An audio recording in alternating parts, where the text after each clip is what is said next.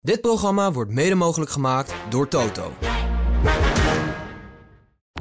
Moedig Max ook in 2023 samen met de Orange Army live aan. Vanaf de officiële Max Verstappen tribunes. Naast de welbekende tribunes op de circuits in Oostenrijk en België... is het aanbod bij Verstappen.com uitgebreid met de Grand Prix van Spanje.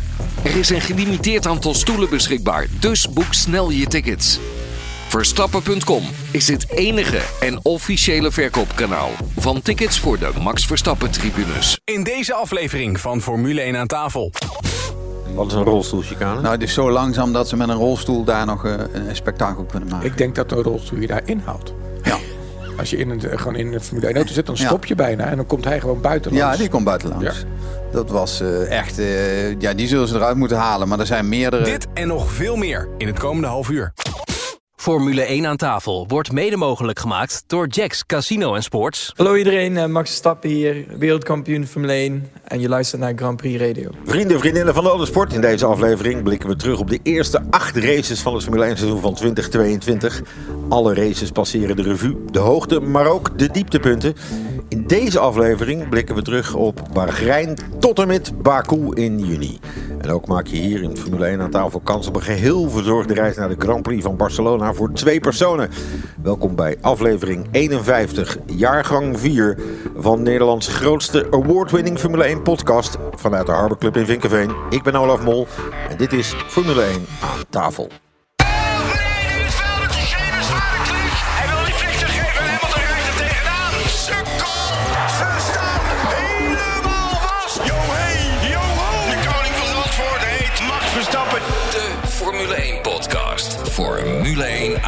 Tafel. Ja, het tafeltje zit weer lekker vol eh, aan mijn rechterzijde.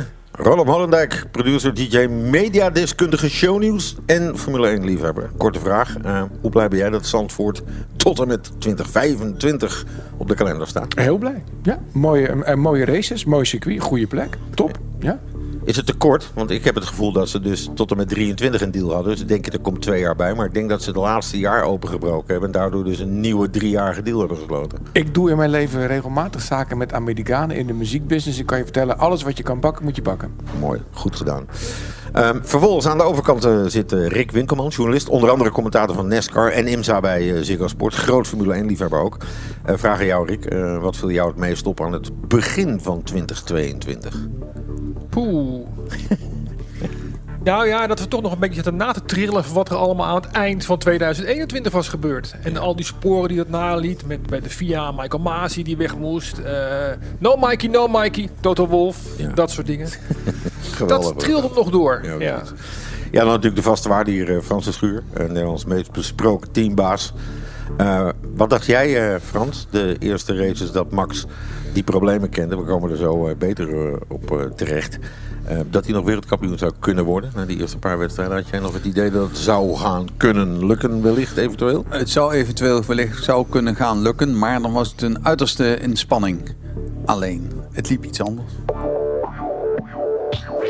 Goed, we gaan terugblikken. En we beginnen in maart van het afgelopen jaar. 2022 waren er allemaal nieuwe auto's op de baan. Pirelli had de 13 inches vervangen voor de 18 inches. Er was een nieuwe regel. Voorheen mochten de voor- en achterbanden 100 graden worden voorverwarmd. Maar in 2022 was dat nog maar 70 graden. Natuurlijk ook werden de ontwikkeling van de motoren bevroren. Er was ineens de budgetcap van maximaal 145 miljoen. En het jaar eh, 2022 telde 20 coureurs en 10 teams. En het seizoen startte in Bahrein. Groene vlag achter aan de grid. Het is zondag 20 maart 2022. De eerste race van het seizoen gaat beginnen in Bahrein. Daar gaan de lampen aan. En als ze uit zijn, zijn we onderweg. Uit en we gaan. Wie heeft er de beste start? It's go, go, go. Oh, een hele goede start van Lewis Hamilton zo te zien. Zit daar rechts in beeld. Verstappen aan de buitenkant. Hamilton probeert te kijken bij Sainz, maar het is Leclerc. Sainz kijkt aan de buitenkant. En daar zit ook Perez. Perez verliest een plek aan Lewis Hamilton, maar kan misschien meteen aanvallen. Komt het hele veld er goed doorheen? Dat is de vraag. Leclerc, Verstappen, Sainz, Hamilton. En daar Kevin Magnussen. Kijkt aan de buitenkant bij Lewis Hamilton. Oeh, moet op zijn neus letten. Gaat allemaal precies goed. En zo te zien is iedereen er wel lekker doorheen gefietst. Uh, Verstappen's eerste podium ging uiteindelijk eh, in rook op. En eh Checo Perez volgde vrijwel direct daarna. Met een motor die eh, uiteindelijk ook afsloeg. En Hamilton was de lachende. De nul resultaatje voor eh, Red Bull Racing daar. Hoe kon het nou dat die gasten zo slecht de uit de startblokken kwamen? Dit had je toch niet verwacht? Je bedoelt dat de Red Bull zo slecht gaat zijn? Ja, nou, omdat het volgens mij gewoon heel gecompliceerd is om zijn auto te bouwen. Moet ik even een zijstap maken? Ik was niet zo gek lang geleden in, de, in Italië bij de fabriek van Ferrari. En daar stond zo'n echte Ferrari-auto. Kijk, ik heb hem natuurlijk in- in de pits wel eens gezien. Maar als je dan even de tijd neemt om naar zijn auto te kijken... dat is, dat is gewoon een spaceship. Zo mega ingewikkeld. En ik denk dat het ook niet eerlijk is om, om maar te verwachten... dat je met allemaal nieuwe regels... Volgens mij waren die banden heel ingewikkeld... om dat zomaar in zo'n ontwerp eh, ja, te integreren. Ik denk dat, dat ze gewoon eventjes een aanloopje hadden. Zo van, poeh, moet dit echt allemaal in één keer goed kunnen? Heb jij wel eens meegemaakt, Frans, dat je als team zijnde naar een kampioenschap gaat en dat je slecht uit de startblokken komt? Dat je dacht van nou, we hebben het wel voor elkaar en in één keer... Zeker met nieuwe auto's. Daar hebben wij eh, altijd. eh, daar zijn heel veel problemen. Er zijn teams die, die walsen er zo doorheen. En terwijl wij dan in cupauto's rijden, waarin eigenlijk alle auto's hetzelfde zou moeten zijn, dan zie je toch dat, dat sommige teams, door wat voor reden ook, elektronische problemen hebben. En dat, dat kun je niet voorkomen. Dat, dat, waarom ontstaat dat? Ja, als ik dat zou weten, dan eh, zou ik bij eh, Ferrari werken, denk ik. Is Bahrein de goede seizoensopener, eh, Rick? Of zeg jij van ja wij, ja, wij zijn natuurlijk van. Je ging naar Australië Ja, dus die romantiek hangt er wel boven. Ja, nou ja, dat vond ik in Australië altijd wel leuker inderdaad. Die romantieke Bahrein is toch een 13 dozijn baan, wat meer, waar je tegenwoordig wel meer van hebt. Dat is zonder meer niet een Prix waar je per se naar uitkijkt. Maar misschien moet je hem daarom juist wel aan het begin van het jaar doen. Want dan heb je dat nog, dat het eerste van het seizoen is. Ja, precies, heb ik maar vast gehad. Goed, vervolgens ging het hele spul naar eh, Saoedi-Arabië, waar Max natuurlijk het een en ander recht wilde gaan zetten. Eh, heel makkelijk ging het eigenlijk niet, want ja, hij reed op zijn tandvlees om Charles Leclerc van een overwinning af te halen. En na 40 ronden begon er een spannend gevecht om die eerste plek op het Jeddah Corniche Street Circuit in Saoedi-Arabië. En er was wel een hele mooie bloedstonde in aanmanoeuvre van eh, Verstappen voor nodig aan het einde van de wedstrijd om hem uiteindelijk te winnen. Maar ja, het werd wel duidelijk dat de strijd om het WK in dat moment nog steeds tussen eh, Leclerc en Verstappen op het scherpst van de snede geleden zou worden. We hebben het dan over 27 maart 2022. Weer gaat hij aanvallen, weer gaat hij het proberen. Langere lijnen, buitenlangs, buitenlangs, buitenlangs. En pakt de leiding, remt hem recht aan. En heeft in de 42e van 50 ronden de leiding pakken. Maar daar komt Leclerc. Daar komt Leclerc met DRS. En nu gaat Leclerc hem weer terugpakken. Net als vorige week. Wiel aan wiel, samen, samen. Verstappen bijna in de buurt. Kan hij laten remmen. Leclerc blokt de binnenkant, die gaat eraf. Nee, net niet. Oh, knap gedaan van Charles Leclerc zeg. Heel knap gedaan. Het is nog niet gedaan hoor. Verstappen kijkt weer. Probeert weer meer momentum te pakken. Er zit niets tussen de auto's. Er zit niets tussen deze twee coureurs. Daar is hij weer. Nu aan de binnenkant. Oh, blokkerende wielen. Wauw. Bijna de neus eraf, hè? Nou, dit setje gaat er nu wel aan. Duikt hij meteen naar binnen? Nee, dat is hij. Luxe heeft hij niet. Valt hij terug naar P6. Zo laat geremd allebei. Zo Weer de achtervleugel lopen. belachelijk laat geremd. Maar hij Hij heeft wel zijn DRS inderdaad.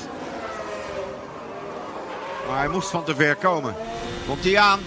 Weer aan de binnenkant. Nee. Hij wacht. En nu wel. Laat hij hem wel naar binnen lopen. Hij wil op zijn DRS het nu proberen. Hij heeft een betere exit. Dit gaat lukken. Nu gaat hij lukken. Heel slim gedaan. Daar is de DRS nog voor het einde van het rechte stuk. Gaat hij naar de leiding. Maar kan Leclerc dan terug? Hij zal de binnenkant gaan verdedigen, Verstappen. Houdt de binnenkant. Geen touché. Daar gaat Leclerc buiten de baan. Niet leaving the track and gaining an advantage. En Verstappen moet nu opletten. Moet deze sector overleven. Maar hij is nog niet weg hoor. Charles Leclerc is echt nog niet weg. Ik durf hem nog niet af te tikken. En met mij velen. Puntje van je stoelwerk. 22. Wat een lastige bocht is dat. Daar heeft Verstappen het ook moeilijk mee. Horner van eh, Red Bull Racing zijn afloop van deze wedstrijd van het seizoen 2022 is nu echt begonnen. Waren we het toen met eens? Ja, eigenlijk wel. Ja? En we hadden niet verwacht dat het zo zou gaan lopen. Maar wij vonden toen wel, hé, hey, de strijd is super. We zagen ook door het porpoising dat de Mercedes er niet zo aankwam. Dat haalden we toen eigenlijk al door. En we zagen dan, wow, Ferrari heel goed uit de startborden kwam. En clean gevechten tussen Leclerc en Verstappen. ik denk toch- dat dat nog wel... Dat vond ik toch echt zo'n openbaring. Ja. Toch? En ook twee coureurs die gewoon normaal doen. Naast de baan. Nee, maar ik bedoel... Dat was Doel je toch- op een bepaald iemand nu? Ja, ik word helemaal gek van Lewis Hamilton. Maar dat is een heel andere discussie. Maar het, het is gewoon heel fijn als je mensen laat instromen in een sport. Kijk, voetbal en Modendijk wordt nooit een, hè, een gelukkig setje. Omdat het, dat idiote gedrag op dat, op dat veld, die laten vallen, vragen om een gele kaart. Dat gaat er mij niet. Maar dat is wat er het jaar ervoor natuurlijk op alle vlakken gebeurde. En nu was het gewoon racen. Hoe stoer was dat? Ik vond het ook mooi dat Zo. we Verstappen en Leclerc weer samen zagen. Ik Ja. was, toevallig kort geleden was ik op de kartbaan in Genk. In 2013, opa vertelt, werd Max daar kampioen. Eh, en voor mij was het Europees kampioen of wereldkampioen KZ. En toen moest hij een enorm gevecht eerst zien te winnen van Charles Leclerc. En dan vind ik het prachtig als die mannen zoveel jaren later in de top van de autosport elkaar weer tegenkomen. Ik vond het ook gaaf, want het was een van de, eigenlijk een van de eerste keren dat je Leclerc echt op deze manier zag dat hij de strijd kon aangaan. Ja. Niet, niet wat geluk had met uitvallers of zo of whatever. Nou, ze waren elkaar natuurlijk in het verleden in Oostenrijk wel eens tegengekomen. Toen was het nog Ja. een beetje Ja. duw- en trekwerk. Ja, en in Engeland. klopt. En toen, daar, toen uiteindelijk na die overwinning in Oostenrijk... na drie uur eh, beraadslagen Ja, ja. gezegd werd zo is het goed. Toen heeft Leclerc denk ik een moment gehad dat hij dacht van... oké, als als, als dit het maximaal is, dan weet ik nu hoe het nu moet. Met Max. Ja. Ja. ja. Zo komt het mij ook een beetje En over. was inderdaad wat jij zegt, Ronald, een verademing om die twee coureurs met elkaar na afloop gewoon sportief te zien zijn. Kijk, ik snap dat je niet de beste vrienden kan zijn. Maar Hoeft je kan niet, wel gewoon normaal tegen elkaar doen. Dat vond ik zo fijn. Ja, Ja, dat is inderdaad ook inderdaad wel heel erg lekker. Eh, Mercedes, eh, dat, eh, jij eh haalt het al even aan net, was al vrij duidelijk dat het niet zou gaan worden met een zero-pot systeem, zeg maar. Ja, die hadden een heel ander, eh, andere zelfs als eh, Williams in die tijd nog. En eh, ja, dat, dat hadden ze gewoon de plank misgeslagen in het begin van het seizoen. En eh, gedurende het seizoen zou het eh, vechten worden om die auto naar voren te krijgen. Maar ze hadden de allereerste test in Barcelona nog zeg maar, een conventionele auto. Waarom zijn ze dan niet terug? Hebben we daar nog in de loop van het jaar iets... of hebben ze gewoon stug volgehouden aan het concept? Nee, het is dat je het nu zegt inderdaad. Ze begonnen met een conventionele auto en de tweede test kwam pas die zonder sidepods Tweede auto. dag, ja, of eigenlijk de tweede dag. En toen dachten we eerst nog van, oh, ze hebben het niet gevonden. Zoals ooit eh, Colin Chapman het- ground effect heeft on- herontdekt, zeg maar. Maar dat was dus niet zo. Bij Ja, maar was dat ging dus helemaal fout. Kijk, het is niet mijn, eh, mijn plek om, eh, om stellingen te poneren. Maar Wanneer is een stelling, Ja, ja, maar- Doe ja. eens wat, jongen. Maar, eh, toon je ruggengraat. lelijke auto's winnen geen kampioenschap. Zo, nou, prima. oh. Nou, denk Nou. maar na. Zijn er lelijke Formule 1 auto's die wel eens een, een kampioenschap hebben opgeleverd? Die Mercedes is toch gewoon een gesmolten kaas? Het is gewoon een hele lelijke auto. Nou, Jawel, kom op. Dat, ding- dat ding, die sidepods, het is net als dat de zon erop heeft gestaan. En dat die sidepods zo... ja. Dat is een lelijke auto. Ja, ik ben het nooit winnen. Ja, ik ben het met hem eens. Ik kies even kant. Nou, eh, voor mij mag een hele lelijke auto als het een revolutionair iets en daardoor wint. Maar- ja, dan vind ik het toch wel, eh, wel leuk. Het is Ja, maar misschien Kees, wel ik vind het niet maar- echt lelijk. no- Noem mij nee, ik vond het niet lelijk. lelijke auto die, waarmee een kampioenschap is gewonnen. Een Formule 1 auto. Een lelijke auto. Ik zie jullie Eh, allemaal En hoe ver mag het teruggaan? tot de Jezus net van het kruis kwam. Maakt me niks uit. Nou, we hebben ooit een keer een, een ik dacht een, Dit eh Tyrell, een Tyrell gehad. En die had een eh, spoiler achterop staan. Die stond ongeveer drie meter boven de auto. Oh, die hele hoge. Die, die hele hoog. Ja, maar die ja, was ja. echt heel hoog. Ja. Nou, dat, dat vond ik werkelijk niet uitzien. Prachtige Zie je, het is een mooie auto. Maar die werd volgens mij ook geen kampioen. Goed, vrienden. Ehm, we, we gaan verder. En dat betekent dat we in eh, Australië terecht gaan komen. Het is dan inmiddels de, de 10e april van 2022. En dan gebeurt er dit. Klaar. Zitten we op de computer te kijken. Gaat de auto van Verstappen aan de kant. Okay, Max, stop the car, please. Drie wedstrijden 2022. Twee keer een nul resultaat. Twee keer vanaf P2. Ai, ai, ai, ai, ai. Rondje 39. Virtual safety car, virtual safety car. Technisch probleem, hè? Ja, niet een beetje. Oké, Max, stop de car. Daar is de rook. De Red Bull Powertrain. Komt nog gewoon uit Japan. Kom maar hier, zegt hij, met die brandblusser. Schiet op. Ding staat gewoon erin. Ja, toen eh, twee uitvalbeurten in drie wedstrijden. Toen eh, had Charles Leclerc inmiddels 46 punten voorsprong in het kampioenschap. Eindelijk weer een Ferrari-titel. En dacht de hele wereld dus, het is nu echt klaar. Nou, ik weet niet of dat heel de wereld dacht, maar ik, ik was wel heel blij. Dat ik dacht van, daar, daar, komt die, daar komt eindelijk die, die rode auto weer. Ja, dat dacht ik wel. Daar Ja. heb je niet over nagedacht natuurlijk. Ja. Dat er ook mensen blij dan zijn. Er zijn heel mensen op dat moment dat je gewoon die, ja, de, de Ferrari-jongens hier vooraan... En over, laten we ook eerlijk zijn, dat is toch ook gewoon heel mooi voor het kampioenschap. Zeker. Dat er gewoon andere auto's winnen. En voor mij is het leuk als die rode auto's winnen. Ja. Hoe kon het vaak eh, fout gaan? Want het waren, uite- uiteindelijk bleken het alleen maar brandstoftoevoerdingetjes te zijn, als ik het even simpel kan zeggen.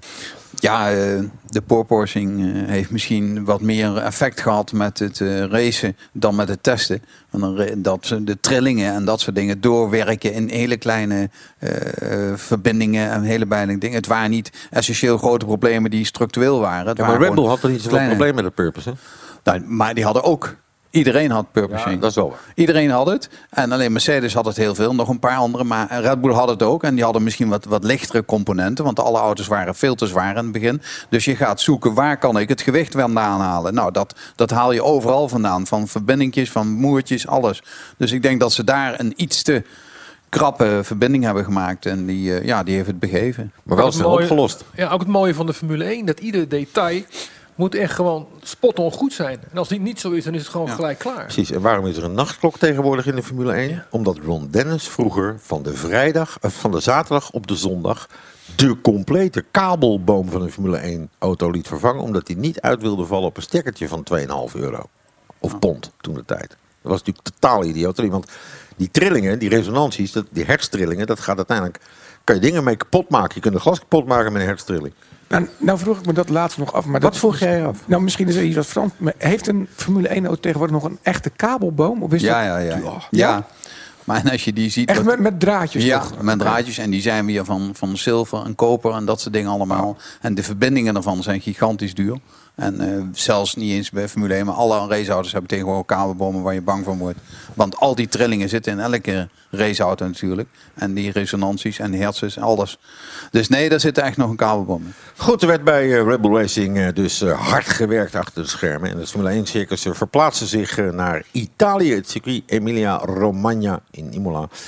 Niet alleen Red Bull had het lastig, maar ook Mercedes ging nog niet helemaal lekker. En zelfs Toto Wolff was een beetje zeg maar de weg kwijt. Het is 24 april 2022. Louis, hi. Sorry for what you have needed to drive today. I know this is undrivable and uh, not um, what we deserve to score as a result. So we'll move from there. But I, this was a terrible race. Yeah, no worries, Toto. Just uh, keep working hard. Yeah, we will we will come out of this. Verstappen versloeg uiteindelijk heel hard toe in Italië, waar Leclerc kostbare punten verspeelde en Lewis Hamilton op een ronde gezet werd door diezelfde Verstappen. Vandaar deze boordradio van Toto Wolff. Belachelijk toch? Totaal, dat mag, dit mag je toch gewoon niet zeggen als baas? Of ze Nee, hebben dat- nu dat- te harde stelling? Wat, moet het, eh, wat moeten de medewerkers in de fabriek dan denken? Juist. Natuurlijk, die auto gaat niet zoals die moet gaan. Maar reken maar dat die mensen ook 24-7 gewerkt hebben. En zeg het dan op een manier, zeker als je de aanvoerder bent van zo'n team, dat er nog wat positiefs uit te halen valt. Weet je wel, zeg dan van nou, het gaat niet zoals we willen, natuurlijk niet. Maar we hebben wel weer hoop over de auto geleerd, weet ik wat je moet zeggen. Maar niet alleen maar zo in janken uitbarsten. Ik vind dat als, als teamplayer, als aanvoerder van zo'n team moet je dat echt niet doen. Hoe noem je dit? Hoogmoed? Domheid? Eh, Frustratie. nou, dat zijn wel de, de, de, de, de minste kwalificaties die ik eraan wil geven. Nou, kom maar op dat. Nee, ik vind het gewoon echt gênant. Ja. Het is echt gênant. Om, omdat, eh, en je weet ook dat dit wordt opgepakt. Dit wordt van de boordradio's opgepakt en het wordt uitgezonden. Nog een jaar later wordt En het bijna uitgezonden. Ja, en nog even voor de duidelijkheid. Er is natuurlijk maar één iemand die echt het vinkje heeft gezet bij de auto. En dat is die, die man natuurlijk wel zelf. Ja. Zei van, jongens, het lijkt me een briljant idee. Zo gaan we het doen. Klik. Hij is nog steeds eh, na de laatste race in 21 nog steeds niet hersteld. En hij blijft maar om zich heen mappen. Zou het, ook, dus in dat zou, opzicht... zou het eh, ook nog bijna ongeloof kunnen zijn? Hoe kan het dat wij na al Ja. die jaren... Dat het bijna apathisch... On, Ja, bijna dat. Ja, ja en ik, ik snap ook wel dat het natuurlijk heel lastig is om het te accepteren. Als je daarvoor met vingers in je neus gewoon kampioen bent geworden. En dat je ineens achteraan rijdt. Dat lijkt me ook heel heftig. Maar dan nog steeds niet dit. Zeker voor een Oostenrijker. Ja. Right, na de break in Formule 1 aan tafel spelen we Raad het autogeluid. En we geven een volle tank brandstof voor je auto weg en de Flitsmeister toe. Er is een vraag, vraag van Klaas Govers over het gewicht van de Formule 1 band. We blikken straks terug op de wedstrijden in Miami, Spanje, Monaco en Baku. En je maakt kans op een geheel verzorgde reis naar de Grand Prix van Barcelona voor twee personen, inclusief hotel, transfers, vlucht, goede tribuneplaatsen en ervaren begeleiding. Tot zo. Boek nu met GP Ticket je Formule 1 reis naar Barcelona voor 2023. Keuze uit een vier- of vijfdaagse trip, inclusief rechtstreekse vlucht, hotel, vervoer, ervaren Nederlandse begeleiding van GP Ticket en natuurlijk een perfecte plek op het circuit. Het aantal beschikbare plaatsen is beperkt. Boek nu Barcelona 2023. Check alle info op gpticket.nl. Tink, Max Korting. Profiteer en race nu naar Dink.nl.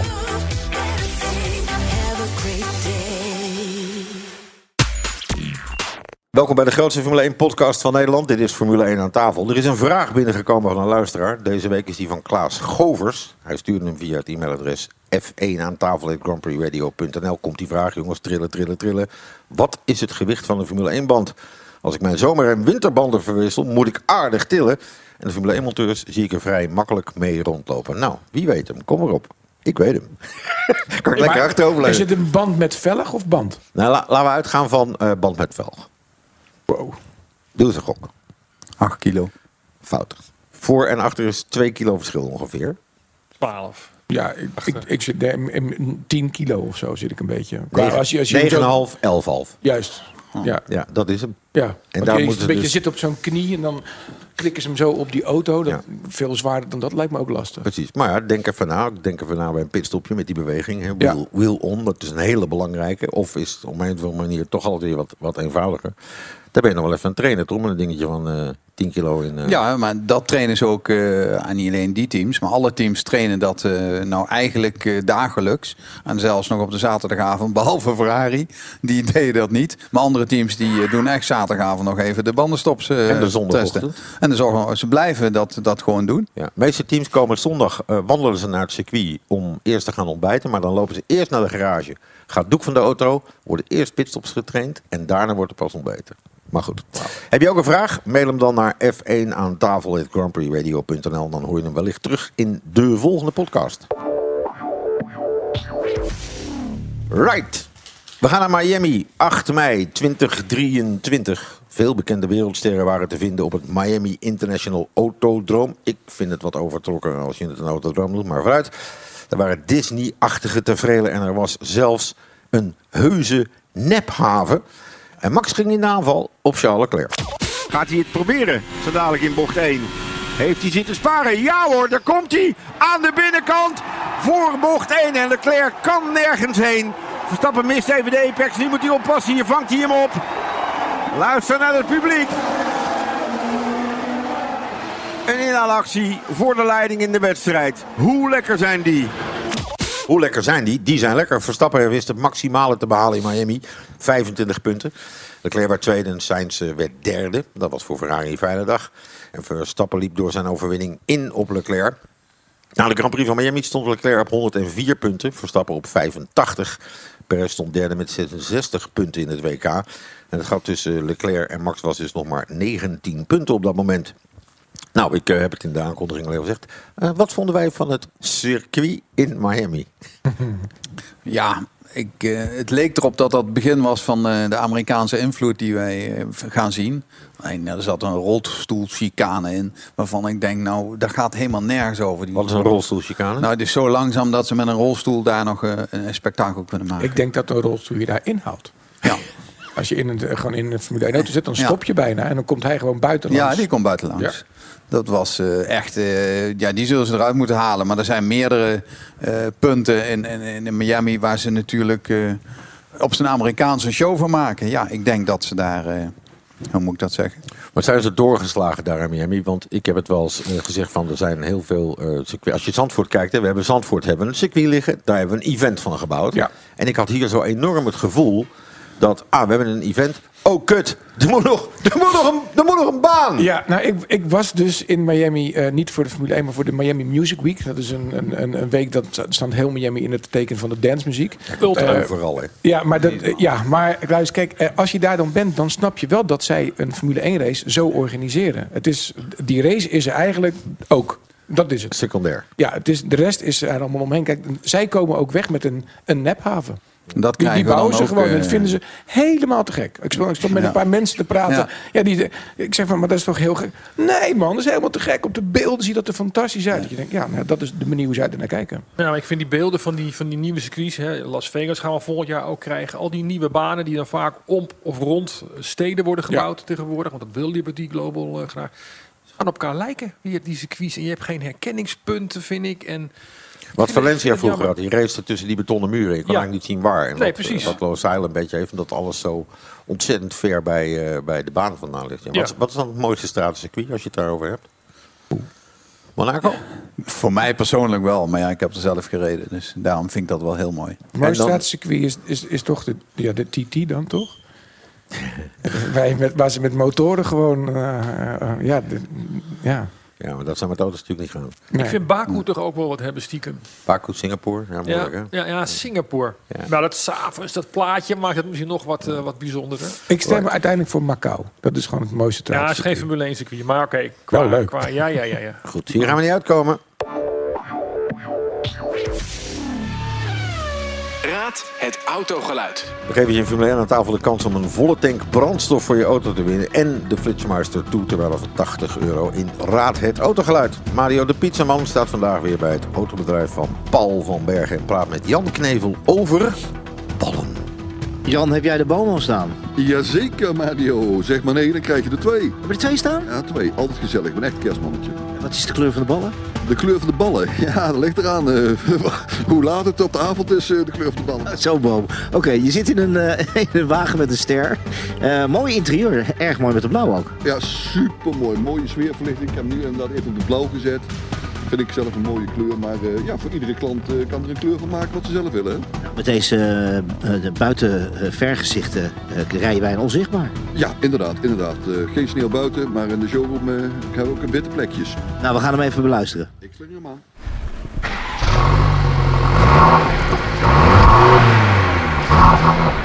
Mooi geluid voor een prachtige auto. Jan, voor hoeveel is die, eh, staat hij in de boeken? Hij staat voor weinig in de boeken, maar de prijs wat ik vraag staat op internet.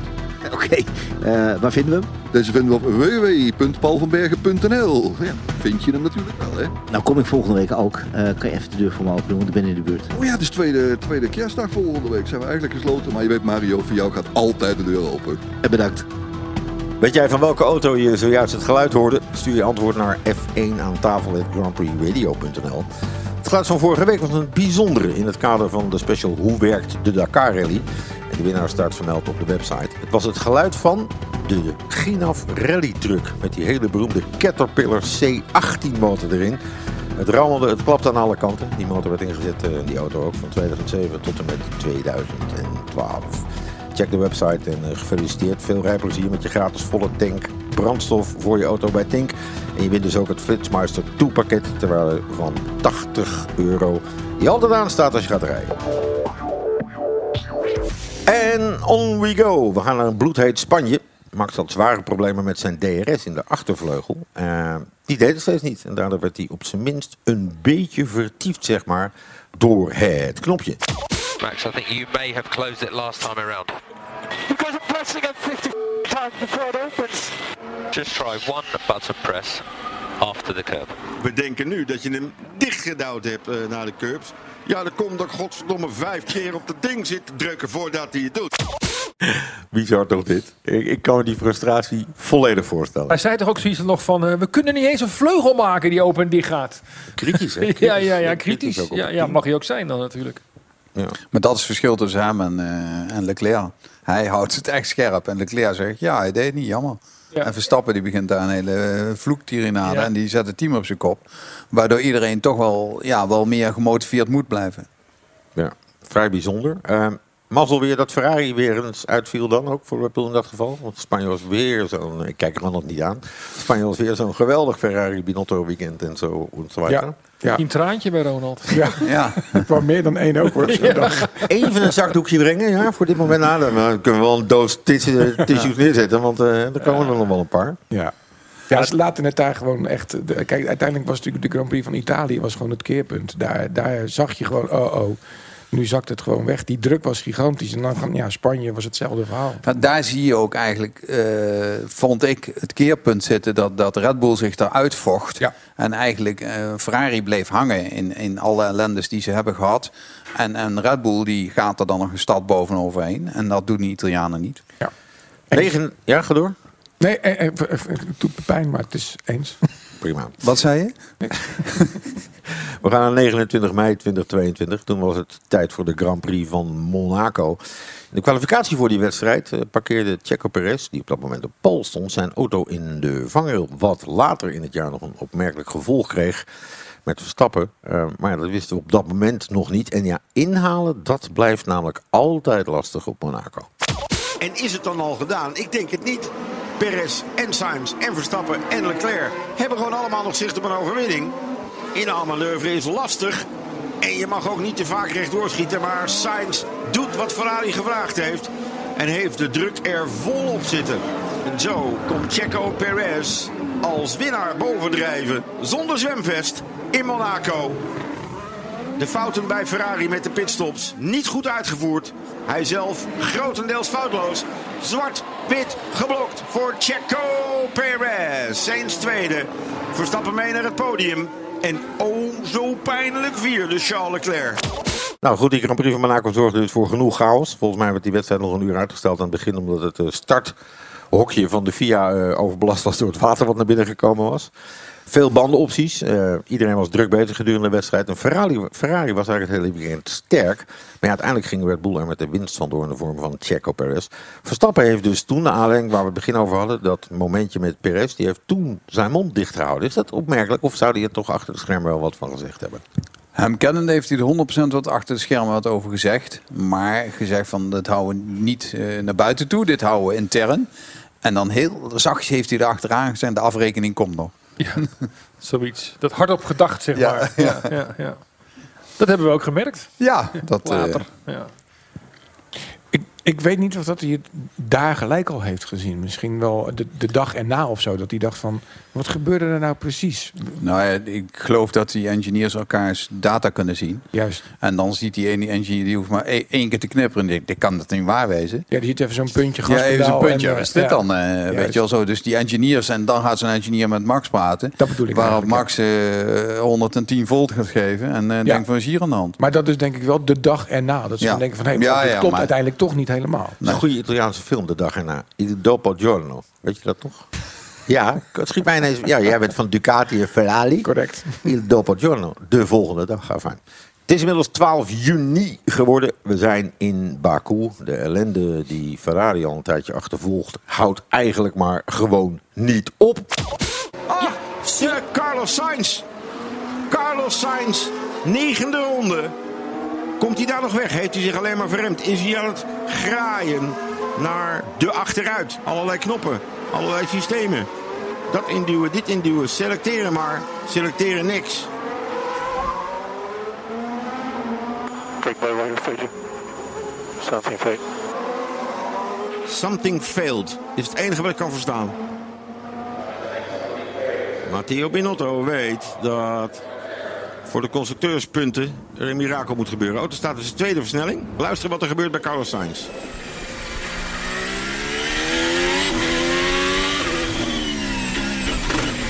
Oeps. Wow. Nou, dat is wel vrij duidelijk, hè? Bij het terugschakelen, dit is gewoon een bak die vastslaat. Daarom dat hij nog eens in twee stond.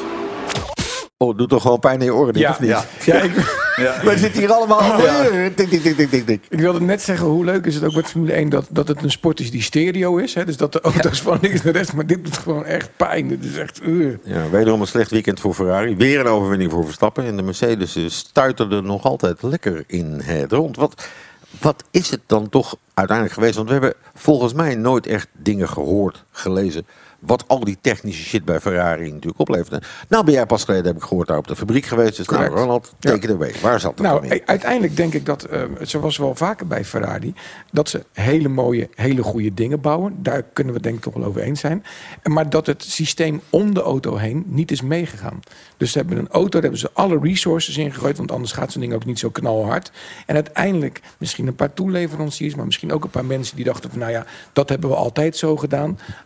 Ja, en dan komt het denk ik onder druk komen al die foutjes eruit. De organisa- organisatie is Ja. daar volgens mij niet goed geweest. En daarom vind ik het ook wel terecht dat Binotto eh, plaats moet maken. Want kijk, als je nou zegt alleen de pitstops gaan fout Nee. of zo. Dan doe je hoofdpitstops die je dan eh, kan vervangen of whatever. Maar die ging echt van de voorvleugel tot de achtervleugel. Plus op de fabriek, plus tijdens de pitstops. Overal ging steeds iets anders fout. Ja. Ja, en dan is de man die daar helemaal aan het roer staat... is daar dan toch uiteindelijk die de is voor verantwoordelijk. En vergeet even niet de klantenmotoren. Ja. Hoe vaak het niet gebeurde dat er of een haas vrije Ja. training heen na twee rondjes, na één rondje. Eh, Bottas. Dus de motorisch. Hebben ze die motoren nou echt nog teruggeschroefd? Zijn we, zijn we daar ooit achter gekomen? Want we, daar waren wel verhalen van. Hè? Want ze gingen uiteindelijk wat topsnelheid verliezen. Ze gingen uiteindelijk niet meer al die pole positions zomaar makkelijk binnenharken. Ik denk als ze hem 1% teruggeschroefd hebben, dat ze niet meer zoveel kapot gaan. Dat ze dat risico genomen hebben. Kan het met zo weinig, met 1%? Nou, misschien nog wel minder. Ja? Ja, dat is, die, die trillingen, hè, dat soort dingen, daar maken ze een motor op kapot. Die trillingen. En als ze dan 1% minder gaan aan trilling, kunnen ze in de fabriek zien op een, op een motorbank van hé, hey, hij heeft wat minder trillingen, dus die blijft heel. Het is wel jammer, want we hadden het eerder even over die mooie gevechten Ja. met Verstappen en Leclerc, weet je wel, Ja. dat we daar zo van genoten hebben. Ja, dat hebben we dan, maar wie hadden we het nog veel meer kunnen zien nog als die Ferrari op orde was geweest. Ja. Maar goed, dat was- Ja, maar het was het hele team. Hè. Ik denk als Binotto is niet de enige die weg moet daar. Er zijn er meerdere. Nee, oké, maar hij is natuurlijk hoofdverantwoordelijk. Ja, het is hetzelfde als bij, een- bij een voetbalteam. Hè. Als je daar eh, niet wint, dan moet de coach weg. Precies. Charles Leclerc viel uit. Stand op dat moment in het wereldkampioenschap Verstappen aan de leiding met 150 punten. Perez passeert Leclerc, staat op 129 punten en Leclerc blijft op 116 punten.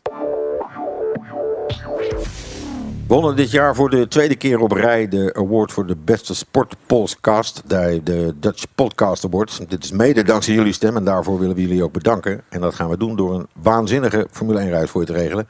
Je maakt hier in Formule 1 aan tafel tot het einde van het jaar kans op een geheel verzorgde reis naar de Grand Prix van Barcelona volgend jaar voor twee personen. Inclusief vlucht, luxe hotel, transfer naar het circuit en een deskundige begeleiding. De prijs wordt je aangeboden in samenwerking met GP Ticket. Wat moet je doen? Je moet de volgende vraag beantwoorden. Hartstikke lastig. Met welk startnummer zal Verstappen volgend jaar in 2023 gaan rijden in de Formule 1? Stuur je antwoord alleen maar naar prijsvraag@grandprixradio.nl. Dus prijsvraag@grandprixradio.nl. Ja, gents. Eerste deel eh, van het seizoen eh, besproken. Dank voor jullie aanwezigheid eh, hier. Mag ik jullie ook nog even een officiële fles Formule 1 Ferrari Trento Doc aanbieden. Volgende week maandag, tweede kerstdag, is er weer een nieuwe aflevering. En blikken we met elkaar weer verder terug op de wedstrijden van Canada tot en met Italië. Waar Nick de Vries zijn debuut maakte. Zijn jullie dan weer bij? Wel hè, toch? Gaat wel lukken, tweede kerstdag. Geen stress. Dit was Formule 1 aan tafel. Redactie Grand Prix Radio. Vormgeving en montage Marnix Westhuis. Draaiboek en productie Mario de Pizzaman. Ik ben Olaf Mol. Tot volgende week. De Formule 1 podcast. Formule 1 aan tafel. En dan hebben we natuurlijk aan het einde van de rit natuurlijk altijd nog even in de Harbor Club het eten. Tim. Nou, wat we vandaag gemaakt hebben, we beginnen bij de pulpo. Gemaakt eh, octopus, gedreven in het vet. Daarna wat eh togarashi erbij en zwarte knoflook aioli. Dan gaan we daarna naar de salmon miso met honing miso geglaceerd en een venkelsalade erbij. Lekker. Eh, de giant gamba's gebakken in de pan met wat kruidenolie. De skirt steak, heerlijk om te delen. Op een blaadje sla met saus erbij. We hebben natuurlijk de bitterballen. Niet- De We hebben bitterballen. natuurlijk de bitterballen, Ja, ja, ja. niet te vergeten. Heel goed. En voor de vegetarische liefhebbers hebben we ook nog de bloemkool. Gemarineerd in curry en daarna gebakken met wat yoghurtdressing erbij. Zie je een grote glimlach bij Ronald. Nou, Frans, doe eens even. Hoe werkt dat bij jou? Doe jij dit kerstboomtuig of eh, heb je daar een werkster voor? Nee, eh, mijn, eh, mijn vrouw doet dat. Oh. En eh, Dus toch een dat is beter. Ja, dus toch een werkster. Is- Nog is duurder beter, dan een werkster. ja. Nee, nee, ik, ik zelf hecht daar helemaal eigenlijk geen waarde aan. Dus, eh, Maar wacht even. Frans Verschuur komt thuis. Ja. Het is eerste kerstdag en de boom staat er niet. Wat roept Frans Verschuur dan? Hè, Waar de fuck is die boom? Nee, nee, nee. Hoe laat eten we? Ja. Nee, nee, nee. Wij hebben een boom. Ik vind het wel leuk. En mijn vrouw en mijn dochter, die, eh, die kleden hem altijd aan. Ja, oké. En waar heb jij hem omgezaagd? Eh, nee, nee, wij hebben een, een kunstkerstboom. Ik ook. En Een hele mooie. En eh, ons jongste zoontje is vier en onze oudste is elf. Dus wij zitten volop in de kerstmis. Eh, maar persoonlijk interesseert het me echt geen ene zak. Maar het is... Jij bent het hele jaar alles aan het versieren natuurlijk. Ik doe mee met, Jij met versiert van alles. Kijk, die kids vinden dat helemaal te gek. En dat diner dan? Dat diner is toch ook stress? Nee. Nee? Nee. Nou, dat is gewoon eh thuisbezorgd.nl. Nee, nee, zeker niet. Nee, nee, er wordt, mijn meisje kookt dan uiteraard, maar nee, de- nee. Nee, wij doen ook niet fondue, nee. Nee. Stinken ook van Ja, dan is, jezus, twee dagen later is nog uit. eh Kun je die desinfecteren. Let op. Alle gebruik van hetgeen in deze podcast F1 aan tafel wordt opgemerkt is ongeoorloofd. Zonder expliciete schriftelijke toestemming te zaken verkregen van Grand Prix Radio. Met inachtneming van een duidelijke, deugdelijke bronvermelding met link.